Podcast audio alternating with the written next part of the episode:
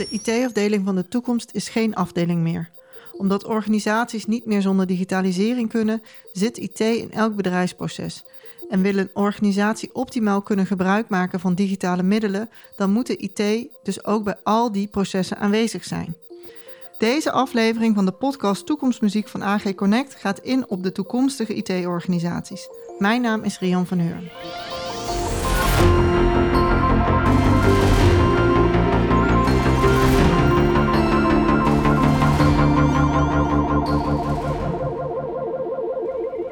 COVID-19 geeft ons een kijkje in de toekomst. We moeten op afstand samenwerken en soms ook nog versneld digitaliseren. Gini van Solingen is deeltijd hoogleraar Global Software Engineering aan de Technische Universiteit Delft. En hij doet onderzoek naar wendbare organisaties. En volgens hem worden organisaties in de toekomst verzamelingen van self-managing agents die missiegedreven werken. Het DevOps-platform GitLab heeft geen kantoren. Het bedrijf werkt met meer dan 1300 mensen vanuit meer dan 60 landen. Allemaal vanuit de thuiskantoren van de medewerkers. Het bedrijf startte vanuit de huiskamer van CEO en medeoprichter Sitsi Brandi. En hij legt straks uit waarom hij denkt dat dit de beste manier van organiseren is. Nou, welkom Rini. Ja, dankjewel. Uh, kun jij ons meenemen in hoe jij denkt dat de toekomst van werken uit gaat zien? Ja, de toekomst van werk. Dat is natuurlijk een heel breed onderwerp, eh, Rian. Ehm, ik denk dat je de scheiding moet maken tussen twee soorten werk. En dan, dan doe ik de, de werkelijkheid toch nog uh, wel wat geweld aan. Is het fysieke werk. Hè? De, datgene, huizen bouwen, um, brieven rondbrengen, huizen schilderen, branden blussen. En het niet-fysieke werk, wat we tegenwoordig veel aan het digitaliseren zijn. En ik denk dat de verandering voor de toekomst, uh, los van het feit dat ook in fysieke omgevingen digitalisering en digitale hulpmiddelen hun intrede zullen doen, maar daar zal het nooit volledig digitaal worden. Terwijl in de wat meer administratieve en de echte de informatie-intensieve omgevingen, ja, daar zal je toch gaan zien dat uh, alles gedigitaliseerd gaat worden. En betekent het dus dat digitalisering dan invloed heeft op het bedrijfsproces? Dus dat het het bedrijf proces anders maakt. Absoluut, absoluut. Uh, sterker nog, ik denk dat de meeste organisaties die nu gedigitaliseerd zijn, in veel gevallen eigenlijk nog niet de echte kracht eruit halen. Ik denk dat we nog aan het begin staan. Als je bij, nou, ik kom bij, veel bedrijven, maar als je bijvoorbeeld bij een gemiddelde bank komt en je kijkt naar het gedigitaliseerde proces, in veel gevallen zie je daar het oude uh, fysieke proces met de mappen die door de afdeling gingen nog in terug. En feitelijk is het natuurlijk onzin, want feitelijk kun je eigenlijk helemaal opnieuw kijken van, ja maar wacht eens even, wat zijn we nou aan het doen? En als we dat dan toch digitaliseren, kunnen we dat dan niet op een digitale manier doen? Nou, die slag moet in veel organisaties echt nog gemaakt worden. En stel, we zijn in 2050. Eh, kun je een blik eh, geven in de toekomst? Het is denk ik wel een hele lastige vraag. 2050, poeh. Nou, dan ben ik 80. dat is dus ver weg. Um, nou, ik denk dat we dan ons niet kunnen voorstellen uh, hoe het er vandaag aan toe gaat. Uh, en en dat, wat je veel kunt zien is dat die, ver, die, die verandering die gaat steeds sneller. Uh, en ga maar eens 30 jaar terug in de tijd. Ga ik maar eens in, in, in, in wat, 1990. Hoe zaten we er toen, toen voor? Niemand een mobiele telefoon. er zijn van die leuke filmpjes, hè, dat ze mensen op straat vragen: wat moet je met een mobiele telefoon? Zeg waarom? Ik heb een antwoordapparaat, er staat een telefooncel op de hoek. Dat is 30 jaar geleden. Ik denk dat we ons geen inbeelding kunnen maken van hoe het er over 30 jaar uit zal, zal zien. Ja, en, en wat betekent het dan voor die IT-organisaties die het allemaal moeten organiseren en regelen voor, voor bedrijven? Ja, natuurlijk, wat is de IT-organisatie? Dat is, dat is natuurlijk een heikel punt. Ik bedoel, maar zijn dat de, de, de, de in Nederland? Zijn dat de infrastructuurbedrijven? Of zijn dat de afdelingen die binnen een organisatie uh, systemen bouwen voor klanten? Um, als we het even op dat laatste inzoomen. Ik, ik denk dat de meeste organisaties zich nu of later gaan uh, realiseren dat ze eigenlijk stiekem IT-bedrijven zijn. Of dat uh, IT-kennis of digitaliseringskennis gewoon de core competentie is van wat je doet. Hè? De, de, de business is IT. Hè? Dat is zo'n mooie uitspraak die, je, die je steeds vaker uh, hoort. En ik denk dat het daarom zal, uh, zal gaan. Dat je dus je zult realiseren dat je softwareontwikkelaars niet nodig hebt in de kelder of in een apart gebouw om te zorgen dat de werkplekautomatisering het doet. Maar softwareontwikkelaars cruciaal zijn om zeggen, de diensten te verlenen die je doet, omdat dat namelijk digitale diensten zijn betekent dus dat ze eigenlijk gewoon op de werkvloer, naast de mensen die het werk, het, het werk aan het doen zijn, uh, dat ze daar dan gaan zitten? Hoe moet... Dat is een eerste stap, hè? daar zou je mee kunnen stappen. Maar ik denk dat op termijn, kijk, als je een, een programmeur iets drie keer laat doen, dan schrijft hij de vierde keer een script. Dus wat je nu omschrijft als de mensen die het werk doen, je zou je moeten afvragen hoeveel onderdelen van dat werk is nou noodzakelijk om dat door mensen te laten doen. En, en of hoeveel van onderdelen van dat werk kun je nou ook nog wegautomatiseren. En ik denk dat we die digitaliseringsslag in veel organisaties nog, uh, nog moeten zetten. En dat wil niet zeggen dat alles digitaal wordt. Ja. Maar dat we het menselijke aspect, het menselijke contact, echt alleen maar gaan gebruiken daar waar het wel het verschil maakt. En dat we voor alle andere handelingen denken: waarom doe hij dat eigenlijk? En nou, zeg je dus eigenlijk dat, het, uh, dat die organisaties um, verzamelingen van self-managing agents worden. Kun je dat uitleggen? Dat is een dure term, hè? Bedoel, maar ik, ik weet niet of heb ik hem gezegd of ja, ja, je hebt ja. Hem, ja. ja, agents. Ja, dan heb ik ook een beetje parkeeragenten. Moet ik ook uitkijken. Nee, ik, ik denk dat je toegaat naar netwerkorganisaties, waar laten we zeggen ieder individu voor een bepaalde tijd, en dat kan een korte tijd, een lange tijd, een rol invult in een team om een bepaalde bedoeling of uh, werkelijkheid te maken, of een bepaald succes te bereiken. En ik denk dat we steeds meer naar een situatie toe gaan waarbij men zich het vakmanschap daarin centraal gaat staan. En als we iets weten, is het wel dat je vakmensen niet moet sturen aan de hand van doe dit of doe dat, maar dat je vakmensen een uitdaging moet geven. Uh, een bedoeling waarin ze zelf invloed kunnen hebben en zorgen dat ze dan gewoon de ruimte hebben en de omgeving hebben waarin ze succesvol kunnen zijn. En dat missiegedreven werken, dat wordt dus essentieel voor organisaties. Ja, ik heb pas geleden, een paar keer al tegen mensen, werken vanuit de bedoeling. En ik denk dat dat het is. Het missie, dat klinkt ook weer zo, ja, We, hebben, we gaan een missiestatement maken op de hei en daarna blijft alles wat het was. Nee, vanuit de bedoeling. Waar ben jij nou van? En dat is diezelfde bedoeling, is ook de bedoeling waarom jij s ochtends zelf om zes of zeven uur uit je bed stapt en je denkt van, hé, hey, wacht eens even, ik ga vandaag het verschil maken.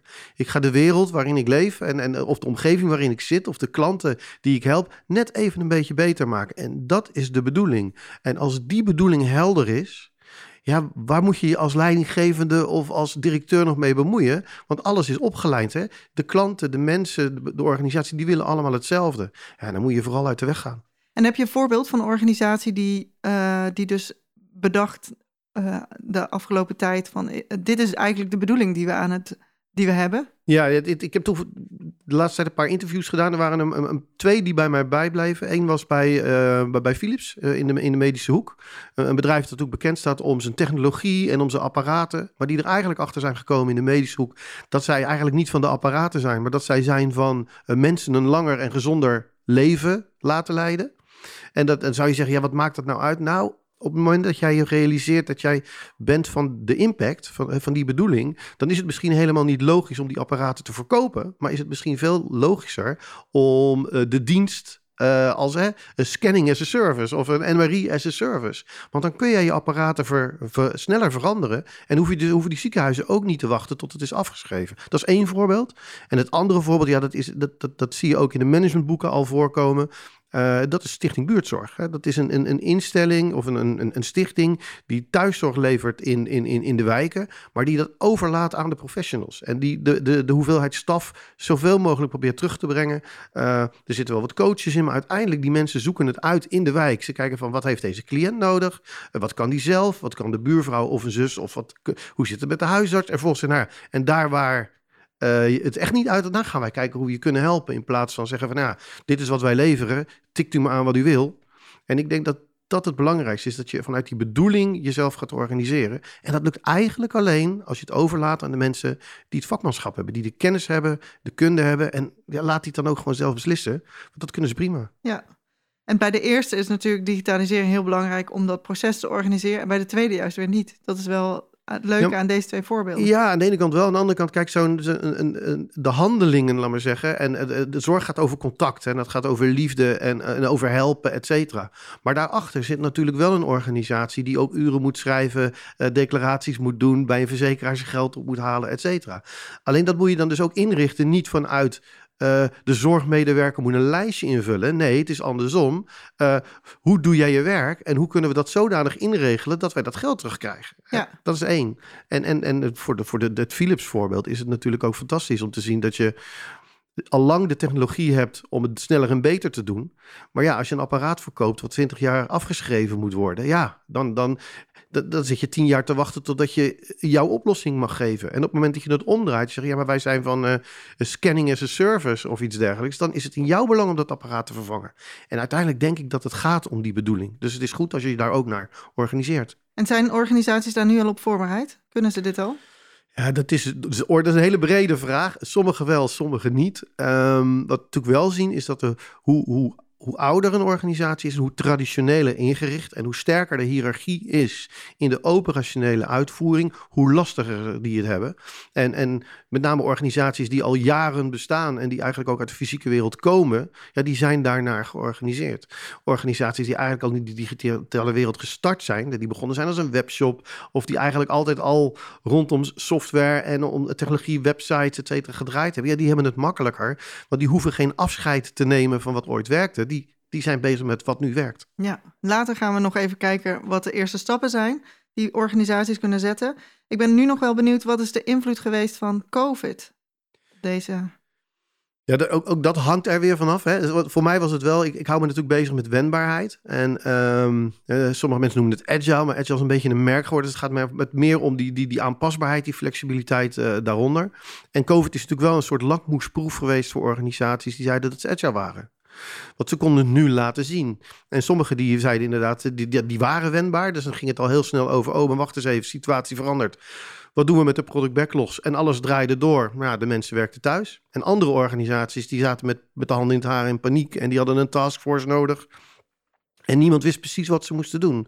Dus het hangt er heel erg vanaf. Wat mij wel is opgevallen, is dat veel van de technische hulpmiddelen om digitaal te werken, om thuis te werken, waren er al lang. We zijn al decennia daarmee bezig. Hè? Telewerken, het nieuwe werken, noem het maar op, hoe het allemaal heet. Maar door COVID moest het opeens. In veel gevallen was het er al. Uh, andere organisaties moesten heel snel een inslag, uh, inhaalslag maken. Maar je ziet wel dat het, laat maar zeggen, onderdeel geworden is van de vaardigheden van het individu. Bedoel, als je nu in een vergadering zit, nou dat zal bij jou ook nog wel zijn dat je, dat je in een teamsessie of je hebt een Zoom-sessie, et cetera. De hoeveelheid mensen die nu nog zitten te stuntelen om de camera aan te krijgen, dat, die zijn op één hand te tellen. En het, het valt mij toevallig ook op. Van het weekend hebben we met een, met een stel vrienden hebben een digitale borrel hebben we, hebben we gedaan.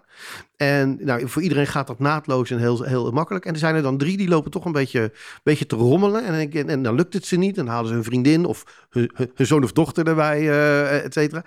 En, dan, en wat je dan opvalt is dat dat zijn dan precies drie mensen die uh, hun vak niet verdienen in een digitale wereld, maar in die fysieke. Hè? Daar zit, zit een supermarktmanager bij. Daar zit iemand die werkt in de kassen zit erbij. Er zit iemand die uh, is, is, is, schilder, in, die zit in een schildersbedrijf. En dus de, het, het helpt op afstanden werken, het werken met videoconferenties, ja, dat zit er niet in. En als je het tien keer hebben gedaan, kun je het ook. Hè? Het is niet zo dat, dat niemand het kan. Nee. Maar je ziet wel dat die vaardigheden bij veel mensen enorm snel zijn ontwikkeld afgelopen jaar.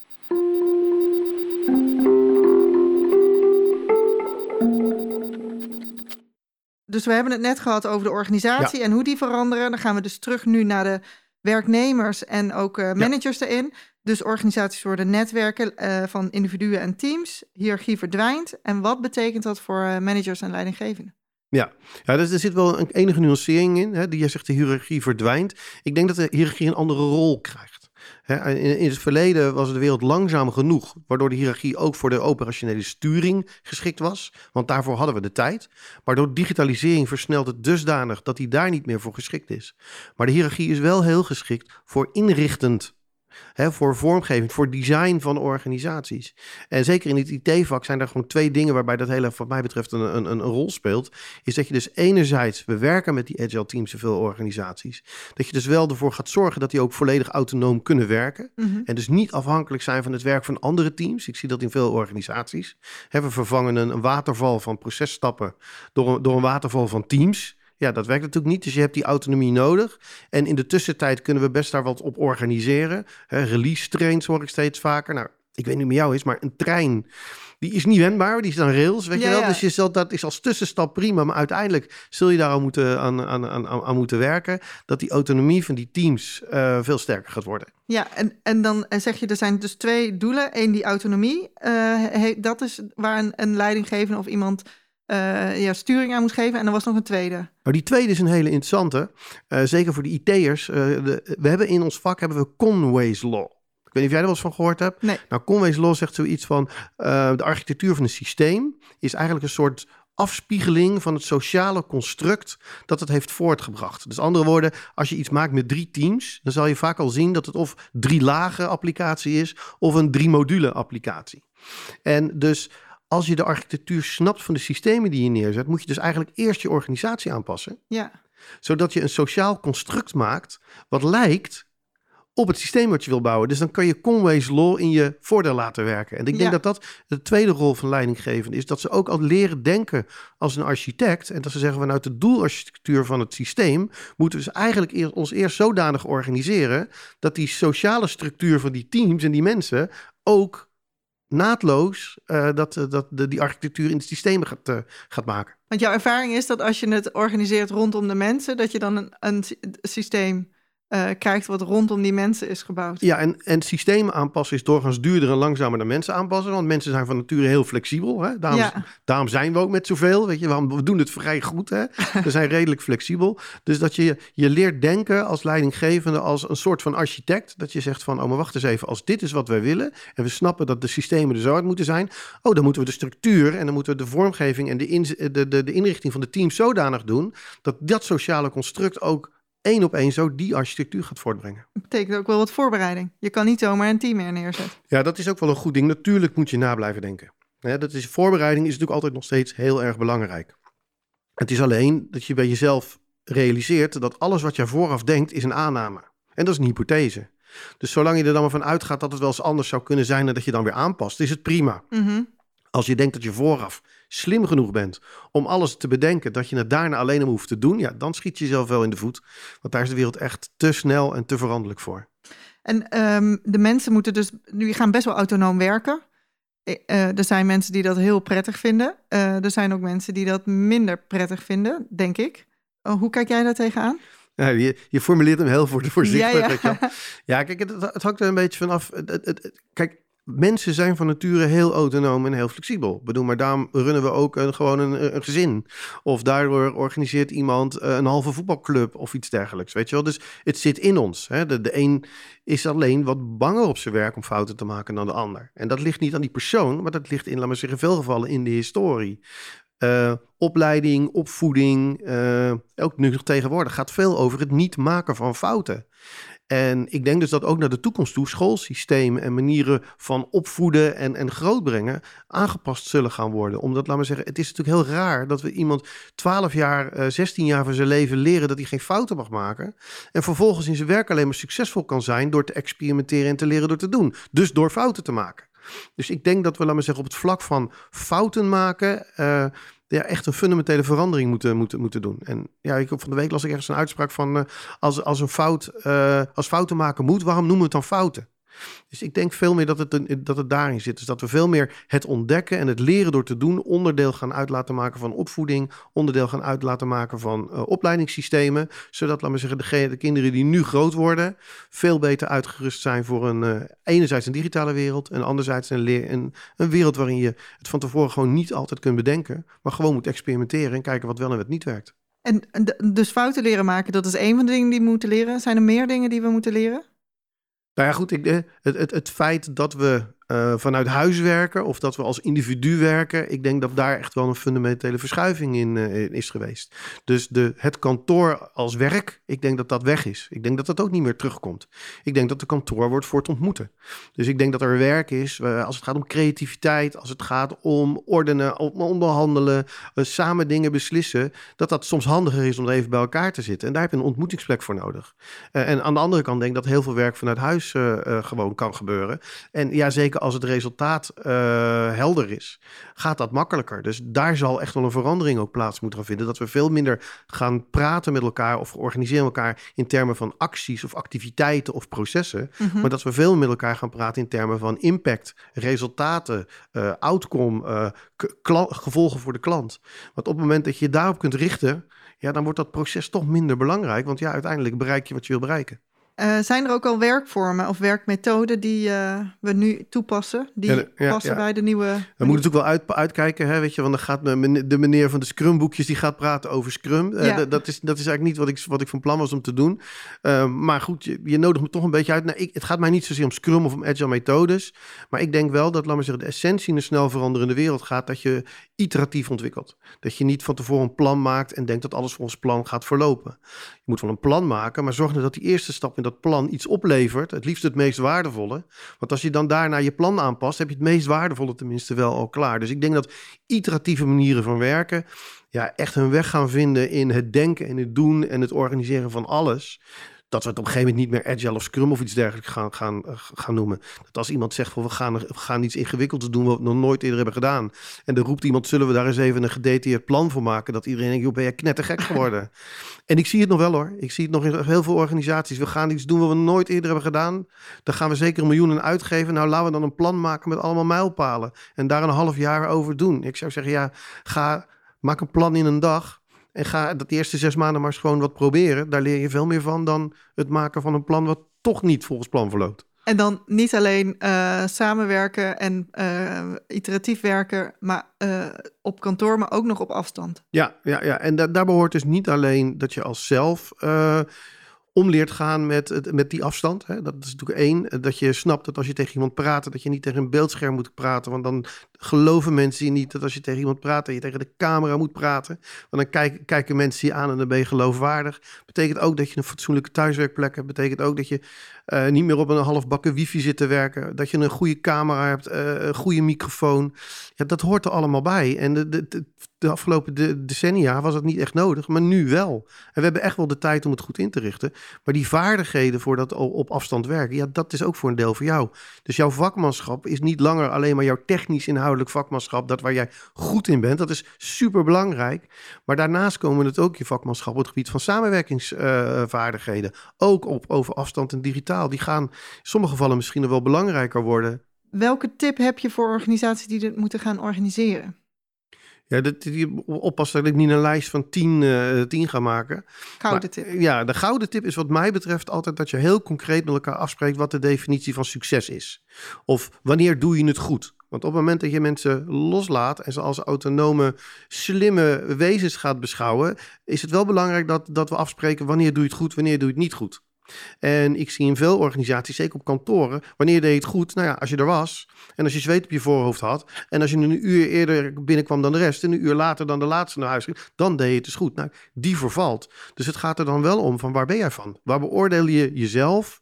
Op basis van je vakmanschap, je samenwerking, maar ook op je resultaten uh, van. Dus die definitie van succes en niet 20 KPI's, nee, die ene. Die ene, waar het, eh, zoals de Engelsen het mooi zeggen, at the end of the day, waar je op afgerekend uh, wordt. En die heel concreet maken en daar dan als professional ook zelf op gaan rapporteren. Niet wachten dat iemand die thuis zit of van de andere kant van het land misschien doorkrijgt wat jij oplevert. Nee, als duidelijk is waar je op beoordeeld wordt, wanneer je het goed doet, hoort er bij jou ook dat je daarop rapporteert en laat zien dat dat ook lukt. En ook niet lukt.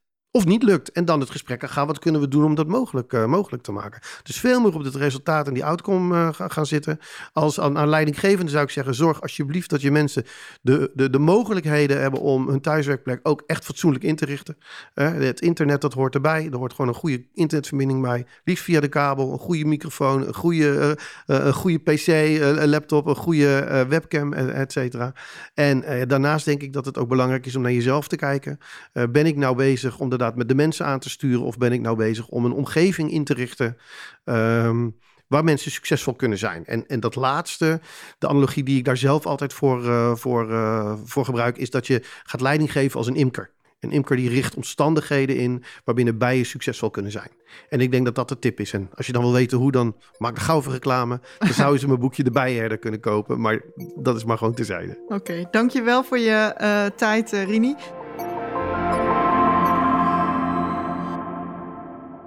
Um, al sinds de start is het bedrijf GitLab een all-remote bedrijf. Bij de start had het kort een kantoor, maar dat duurde maar even. Al snel kwamen werknemers steeds minder naar kantoor. Medeoprichter en CEO Sitse Brandi zag al snel in dat het vanaf huis werken de toekomst zou zijn. Onder andere omdat werknemers geen reistijd hebben. Sibrandi is nu CEO van een bedrijf met meer dan 1300 mensen in meer dan 60 landen over de hele wereld, die allemaal op afstand werken.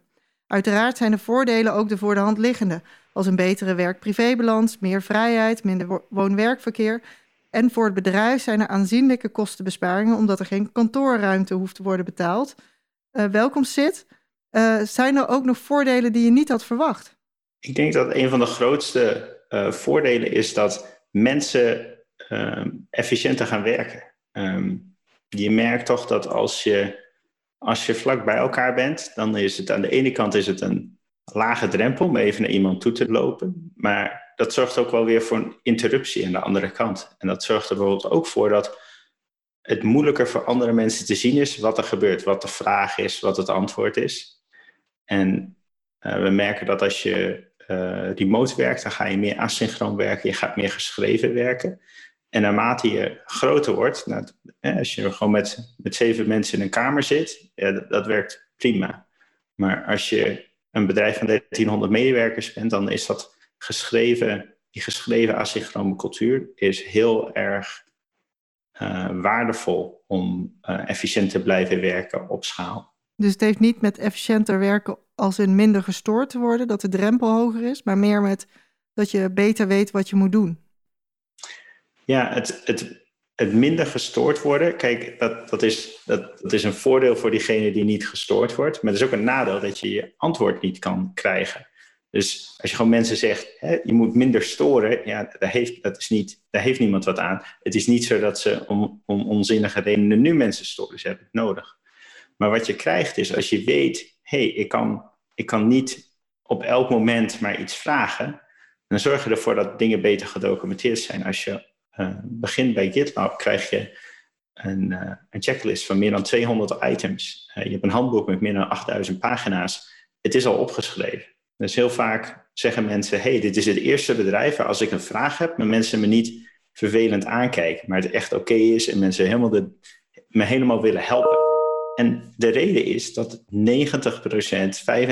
van je vragen, die heb je niet, want dat is al beantwoord. Dus de vragen die er overblijven, die mensen die hebben niet al tien keer dezelfde vraag gehad, dezelfde dag.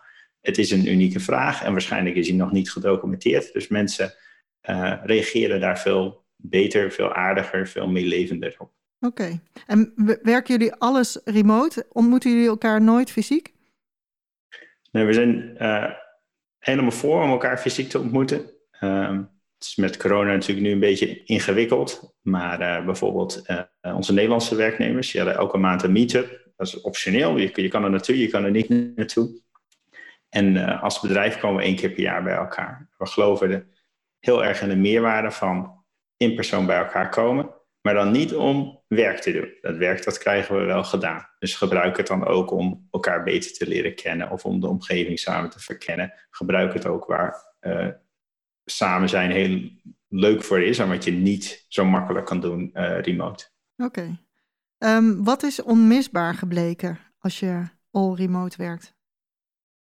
Ja, het, uh, ik vertel wel over het, over, het, over het schrijven geschreven cultuur en asynchrone cultuur. Uh, het handboek is heel erg waardevol gebleken. En je kan niet elk moment maar iets vragen. Dus het is heel belangrijk dat het al gedocumenteerd is. Um, ja, en ik denk dat de, de tooling, de software, de hardware maakt het veel makkelijker. We hebben Zoom nu, we hebben Slack, we hebben GitLab, we hebben goede internetverbindingen. Uh, we hebben goede microfoons, goede camera's. Dat helpt enorm. Uh, en al je processen zijn dus ook uh, georganiseerd, strak georganiseerd hoor ik al, want alles staat ook op schrift. Hoe hebben jullie dat voor elkaar gekregen?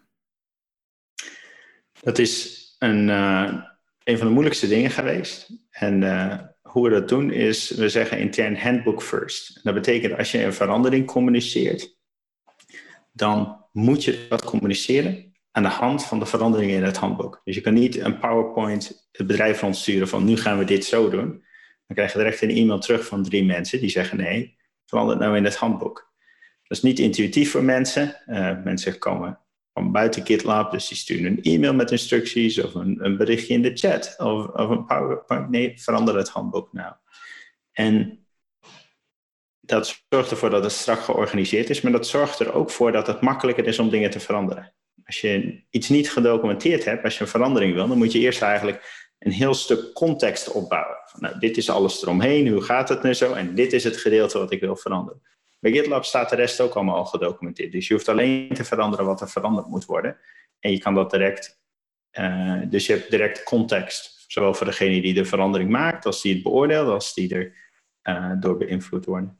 Maar is het nou zo, is het bijna een wettelijk een wetgevingsproces, dat je dus een verandering voorstelt en dat je het nog moet overleggen? Of heb je dermate veel vrijheid dat als het een goed idee is, mag je het aanpassen in het handboek? Ja, nou, ik ben parttime Rijksambtenaar geweest op het wetgevingsproces. Dus uh, het, het, gaat wat sneller dan dat. um, ons, onze missie is everyone can contribute. Dus iedereen kan een verandering voorstellen bij GitLab. Uh, je hoeft geen eens werknemer te zijn. Je kan gewoon ons handboek zien en een verandering voorstellen. En dan voor bepaalde gedeeltes van het handboek zijn er bepaalde mensen die, erover, uh, die dat zeg maar reviewen. Die, die kijken, hey, met, met de kennis die ik heb, heb ik nog opmerkingen of aanmerkingen uh, hierover. Dus vaak is dat een, ges, een, gescheiden rol, degene die het voorstelt en degene die, uh, die het zeg maar uh, goedkeurt. en dat, dat gaat tot nu toe heel goed en heel snel. Alleen al op onze pagina waarin we praten over de, de, de waardes die we hebben in GitLab, zijn vorig jaar meer dan 200 wijzigingen geweest. Oké, dus het is, zeker, het is niet zo dat de processen in steen gegoten zijn. Je kan daar uh, veranderingen aanbrengen en dat gaat ook nog best wel uh, vlug. Maar ze staan wel beschreven.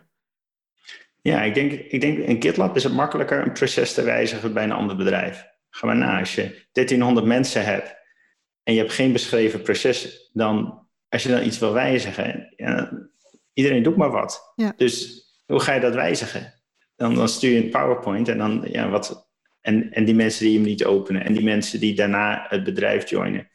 Ik, ik denk dat bij GitLab het makkelijker is om dingen te wijzigen in plaats van moeilijker. Uh, nou heb je het over het handboek, hè? dus dat is een hele belangrijke tool. Ik weet niet of jullie dat ook zien als een tool. Wat krijgen werknemers uh, nog meer, zodat ze efficiënt hun werk kunnen doen? Dat zien we zeker als een tool. Um, ik had het al over Zoom en Slack. Um, in GitLab natuurlijk zelf, we gebruiken alle aspecten van het product, uh, van issues tot zoals het handboek is, zit in, uh, zit in GitLab. Um, en we zorgen voor goede hardware. Dus het is, wij zijn geen work-from-home bedrijf. Met de pandemic is het, werken wel veel mensen vanuit thuis. Maar als ze een office space willen, vinden we dat prima. En daar betalen we gewoon voor. En gewoon goede hardware. Iedereen Macs, iedereen camera's, microfoons, standing desks. Uh, gewoon alles om het, om het comfortabel te maken. Goede internetverbinding goede internetverbinding kan je ook expensen, ja. Ja, ja want wij doen dit interview ook op afstand. Dus uh, hij hapert amper. Dus dat, is, dat gaat goed, uh, zo op afstand. Um, wat, in deze COVID-tijd hebben we ook al heel snel de nadelen gezien hè, van dat all-remote werken. Dus dat mensen na verloop van tijd toch wel behoefte hebben aan uh, het praatje bij het koffiezetapparaat. de informele gesprekken. Hoe gaan jullie daarmee om? Ja, wij, wij geloven in het organiseren van informele communicatie. We hebben uh, dat ook beschreven, het zijn die verbazen. Uh, meer dan twintig voorbeelden hoe, we dat, uh, hoe je dat kan stimuleren. En een voorbeeld daarvan zijn de coffee chats. Dus in GitLab, als je begint, word je als deel van je onboarding moet je tien gesprekken hebben met mensen binnen het bedrijf. Die niet in je team zitten, die niet dezelfde functie hebben om een netwerk te creëren en om het normaal te maken om gewoon even 25 minuten met iemand te plannen. We doen ook allerlei dingen in, groeps, groepsverband, hè, ofwel met je team of met mensen met wie je een hobby deelt. Maar het belangrijke is dat het georganiseerd wordt. Bedrijven spenderen 10% of zo van hun, van hun kosten, hun personeelskosten zitten in kantoren. Nou, dat gaat allemaal. Dat kan weg. Maar neem dan wel de tijd om die informele communicatie te regelen. Want dat, dat gebeurt niet automatisch. Nou, die, wat die automatische communicatie die je op kantoor hebt, die komt op enorm hoge kosten. Mensen moeten commuten, uh, mensen zijn minder flexibel. Uh, dus er, er, zijn enorme kosten aan verbonden. En het is ook niet ideaal. Mensen kennen elkaar van dezelfde verdieping, maar die kennen dan weer geen mensen van de andere verdieping. Of, of het andere gebouw in de stad, of laat staan een andere stad. Dat is allemaal eng en ver weg. Ja. Dus als je het organiseert, kan je dat, kan je dat soort eh, verschillen kleiner maken. Je kan zorgen dat mensen veel makkelijker met andere departementen connecties vormen. Je kan het soms ook leuker maken. En wat we zien is dat een heleboel bedrijven die zijn geswitcht naar remote werken. En die zeggen, nou, dit, dit werkt prima, het werk wordt gedaan, maar die besteden geen tijd in die informele communicatie. Vanuit werknemers voelt het vaak een beetje als, dit is niet echt werk, dus mag ik het wel doen. Terwijl op kantoor hebben ze er geen enkel probleem mee om even 25 minuten in de keuken uit te hangen. En, Maar als het dan een Zoom-meeting in je agenda is, dan, is het, dan vinden mensen het in één keer eng dat er geen productiviteit aan hangt. Dus ik denk dat het heel belangrijk is om het te organiseren en vanaf de, de, dat de leiding van het bedrijf het signaal geeft: dit is oké. Je mag gewoon één, twee uur per dag gewoon uithangen met mensen. En daar hoeft, daar hoeft verder niks productiviteit tegenover te staan. We zijn geen robots. En we hebben die sociale connectie en dat vertrouwen hebben we gewoon nodig om ons werk leuk te blijven vinden. Oké. Dus uh, je, je, nam, je legt al de, de link eigenlijk met de andere bedrijven. Denk je ook dat elk bedrijf een all-remote uh, bedrijf zou kunnen worden, zoals dat van jullie? Heel veel wel. Als je nou echt iets op locatie doet, dan lijkt het me ingewikkelder.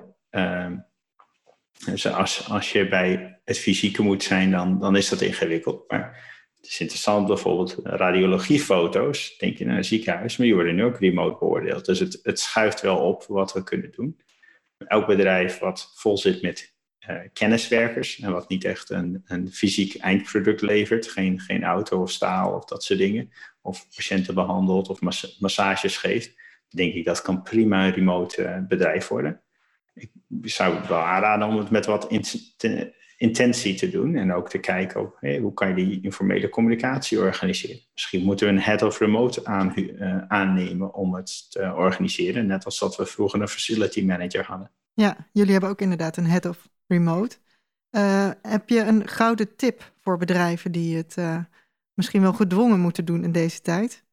Ja, we hebben heel veel materiaal online gezet met alles wat we geleerd hebben. Dus als je naar allremote.info gaat, dan vind je eh, tientallen pagina's, boeken, eh, cursussen om, om hier beter in te worden. Oké, en een gouden tip daaruit? Eentje, als je er eentje moet noemen van alle, want ik heb het gezien, is heel veel documentatie. Als je er eentje moet noemen?